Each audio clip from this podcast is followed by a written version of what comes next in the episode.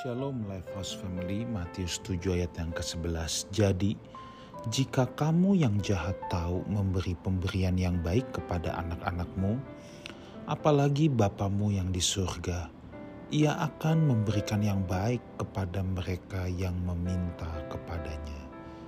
Saudaraku, dalam hikayat dongeng seribu satu malam dikisahkan ada Alibaba yang menjadi kaya gara-gara dia menemukan sebuah mantra untuk membuka peti harta karun atau gua berisi harta yang disimpan para penyamun.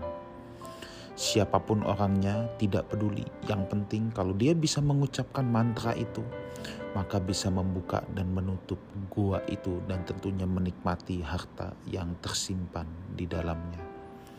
Saudaraku, sering kali orang percaya memperlakukan doa itu seperti mantra, saudara.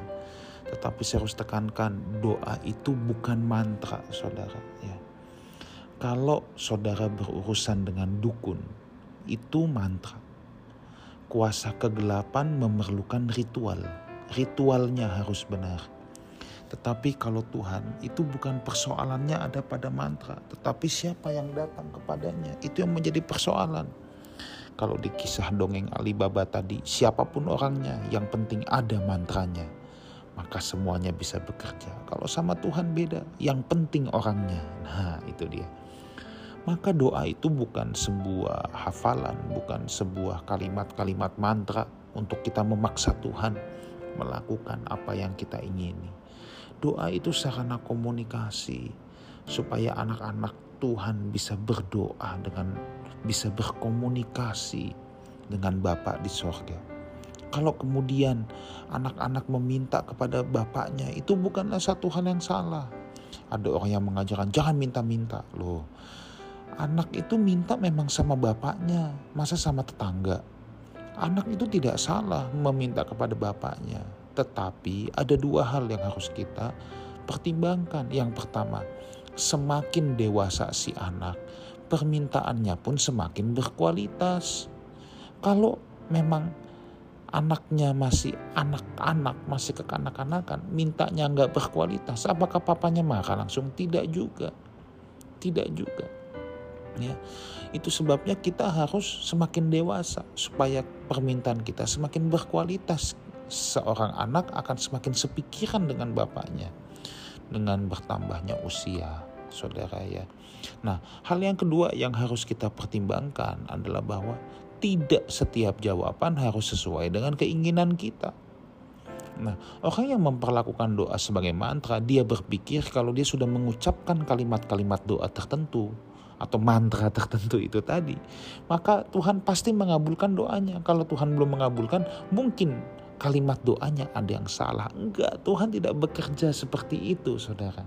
Ya. Kalau doa itu belum dijawab atau jawabannya tidak, ya tidak apa. Karena memang tidak selalu jawabannya itu seperti yang kita minta.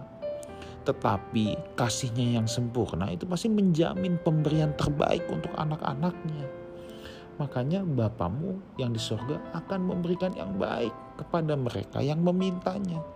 Kalau ada permintaan-permintaan kita yang Tuhan anggap justru mencelakakan kita, Tuhan tidak akan berikan itu untuk kita karena Tuhan tahu itu justru membahayakan kita. Saudaraku, saya berdoa, berharap Lifehouse Family bisa menjadi terus semakin dewasa dengan Tuhan, sehingga kualitas-kualitas permintaan kita pun kepada Tuhan semakin sepikiran dengan Tuhan. Tuhan berkata, tinggallah dalamku, aku dalammu. Maka mintalah apa saja akan aku berikan. Kuncinya ada pada tinggallah.